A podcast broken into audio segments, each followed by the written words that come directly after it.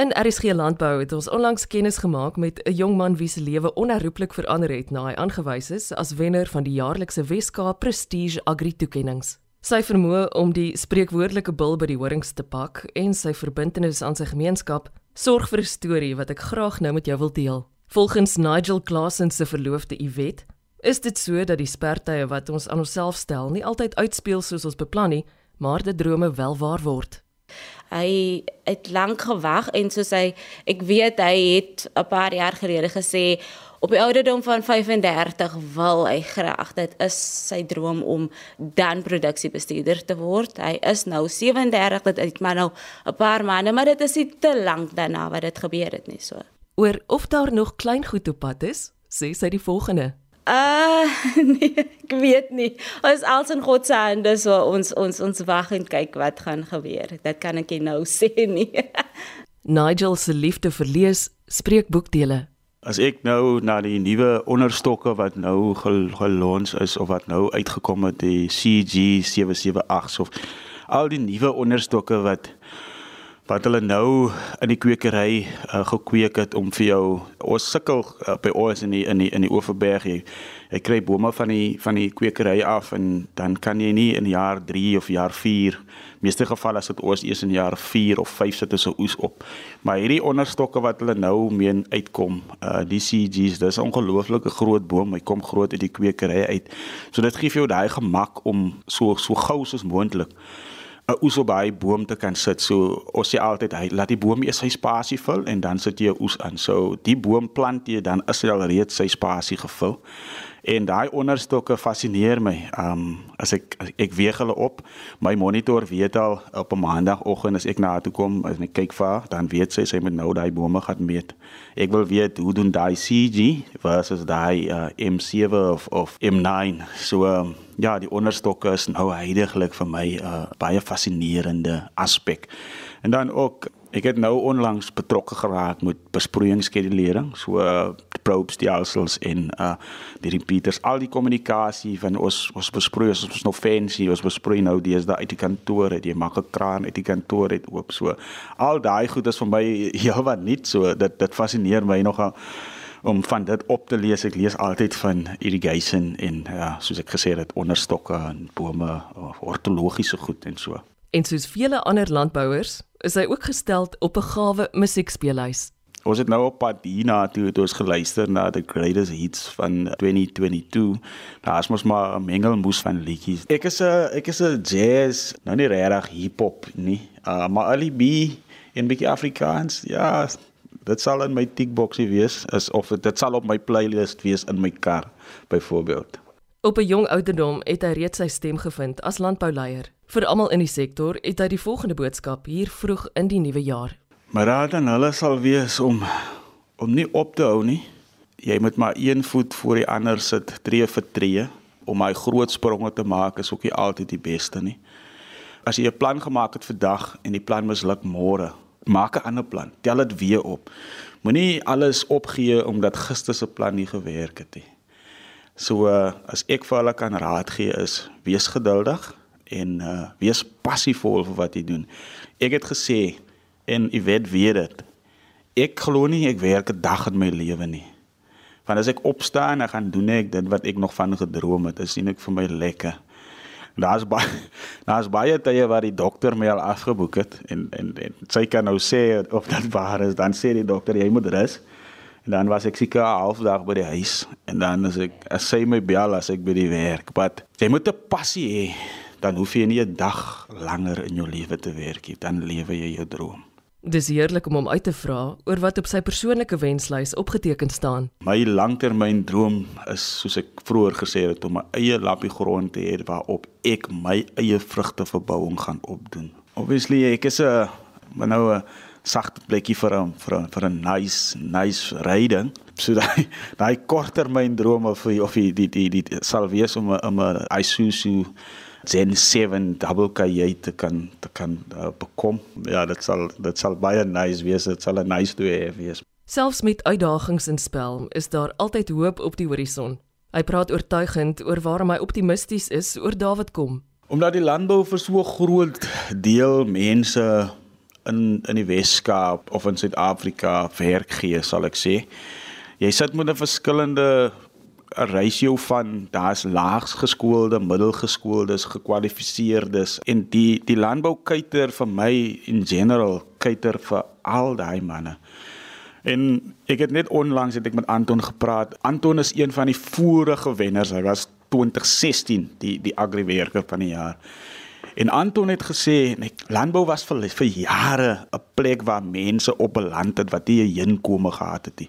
As niks vir jou uitgewerk het, jy sê nou jy wil in die polisie gegaan het en jy was onsuksesvol, dan het jy op die plaas geëindig.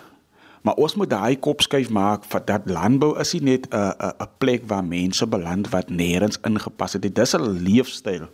Dis 'n lewe. Dit dit is dit is regtig 'n kultuur. Landbou is 'n is 'n ware plek waar ek kan sien dat almal 'n fair kans kry. Dit is wat jy met daai kans maak. Nigel Klassen is in November verlede jaar aangewys as die wenner van die jaarlikse Weskaap Prestige Agri Toekennings. Sy lewe het sedertdien handomkeer verander. In 'n land waar ons soms wonder oor leiers, is dit bemoedigend dat iemand soos Nigel bereid is om hand op te steek en om te bly leer by ander. Ek het gewen, wat ek gedink, ek het gewen 'n studietoer te waarde van R80000. So ek is gelukkig om uh, ek gaan in feite nou wat ek aan dink my 38ste verjaarsdag in Europa vier. So ek het gewen R80000 'n studietoer, ek het 'n R25000 kontantprys gewen. En uh, daar was ook dit was 'n aanloop van goed van om hierdie kompetisie te wen, moes jy eers in jou streek meegeding het en daar was ook prysgeld aan dit gekoppel en dan het jy gaan meeding teen die ander streke. So jy moes eers jou streek gewen het en dan het jy gaan kompeteer by Krommerie teen die ander streke, 15 ander streke. So ja, dit was ek sal sê 'n prysgeld gewys het ek seker so plus minus 60000 rand as jy alles die kupons tot geld insluit. So dit is 60000 rand kontant en dan was 'n mos nou obviously die studie toer so is nogal 'n groot iets ek het nog nooit so baie geld gewen nie.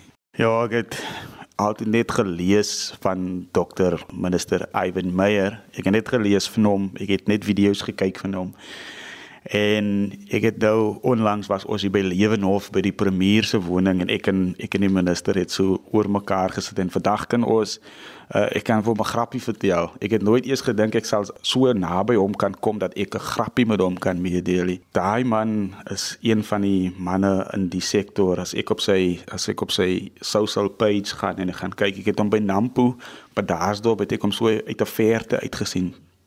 Daai's uit en uit pure passie vir wat hy doen. En om 'n direkte lyn na hom toe te hê, dit's vir my dit's ongelooflik. Sy sy woordvoerder uh, Daniel Jon, Johnson, ons is gedurig in kontak.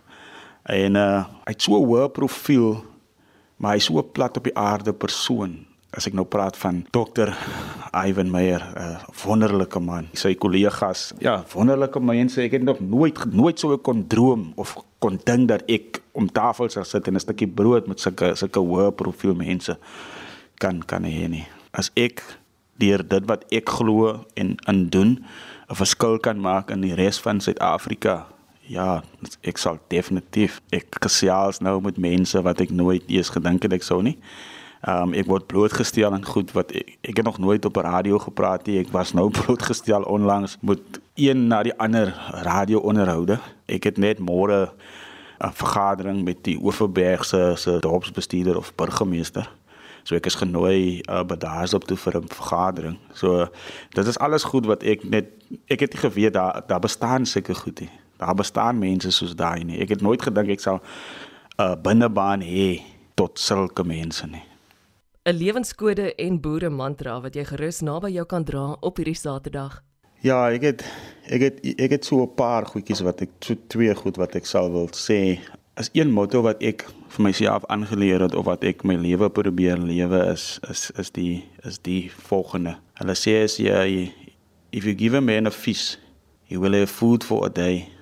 But if you teach him how to fish, he will have food for a lifetime. En daardeur wil ek probeer sê so baie wil 'n ou 'n maklike of 'n onmiddellike escape route hê. En ek het al keer op keer het ek gepraat met manne wat wat jy wat jou stop wat wat iets by jou wil bedel. En dit is maklik om vir die ou net te sê hierso. Hier is vir jou X amount. Maar as jy vir hom die beginsel kan aanleer van waar hy X amount of 20 rand wat jy hom nou wil gee vanaf kom, net miskien dan kan hy sy eie 20 rand gaan verdien. En dan as daar een Bybel ding wat vir my baie na in die hart lê en en ek het lank ek dink al, altyd in dit dit is die Dawid en Goliat daai storie Jesus het vir Dawid koning gemaak. En Dawid versus Goliat dis almal ken die storie en hoe hoeveel Goliats face ons daagliks? Jy verstaan ons het elke dag te doen met Goliats in ons lewe So daai Bybelvers van van van Dawid en Goliat is is iets wat vir my altyd altyd bybly. Ewen een simpel voorbeeld, 'n geleentheid wat jou kant toe kom, is 'n Dawid vir my.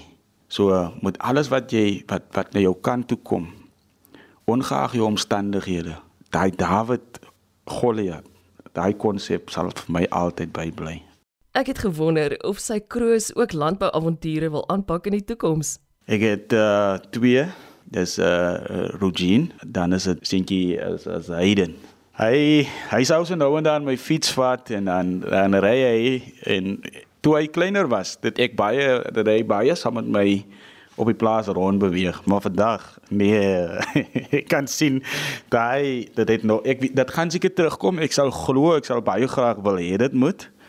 Uh my my oudste seun, hy en ek het nou onlangs 'n gesprek gehad en dit klink asof hy daar is 'n voetspore wil volg.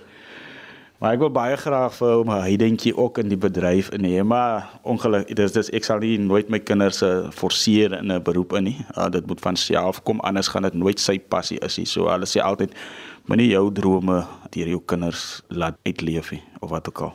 Tot sy verloofde se vermaak is daar egter geen sprake van 'n viervoet nie. Ja, jy gaan nou, dis nou waar die onderhoud nou seker gaan gaan gaan skuins draai. Ek het 'n groot groot vrees. Ek het ek het net twee vrese. Dit is vir 'n karongeluk en vir 'n hond. Ek is bang vir die kleinste hond. As ek nou hier in moes gekom het en daar 'n porselein hond gestaan het, ek seker gevries. Ek is doodbang vir 'n hond. Ons ek was 14, 14 as ek kan onthou, dit ons ons het so groot ek noem dit sommer 'n brak 'n hond gehad. En ek het eendag te vinnig om die draai gekom en toe hy my beet gehad al op my knieë en sinsdien ek is ek is ek is ek groot vrees vir 'n hond. Regtig. Nigel Clausen, junior produksiebestuurder van die plaas Fruitways Glen Elgin, is in November verlede jaar aangewys as die wenner van die jaarlikse Weskaap Prestige Agri Toekennings. Om sy storie vanoggend met jou te kan deel, is 'n voorreg. Ek wil ek wil net vir jou dankie sê vir vir die feit of dat jy tyd uitgesit het om vir my ook kan hier onthaal. En ek het altyd ge, ge, gewonder of ge, ek het nooit regtig en sorry ek gaan dit nou weer terugvat. Ek het nooit regtig oor my storie gepraat nie. Ek het altyd ge, vir die Here gevra, hoe gaan ek met dit om? En die Here het vir my 'n platform nou geskep waar my storie ek wil altyd my storie vertel, maar ek wil gehad het dit met mense positief impakteer. So ek dink die platform kan ek nou my storie opvertel en mense kan vat uit dit uit wat hulle wil vat, wat ek dink die positiewe uit dit uit spreekboek dele.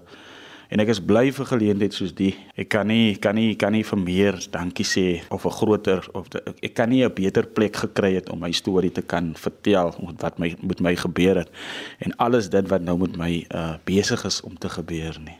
So dis nie alles net sleg nie, daar's ook baie goeie goeie wat gebeur. En en dankie vir mense soos julle. Iemand moet die moet die landbouers se storie vertel en wie beter as hierdie platform. Um ek dink daar was vir jare was daar vir in namens plaaswerkers gepraat, maar daai ou het ook sy stem en die maak dit moontlik vir hom om ook gehoor te word.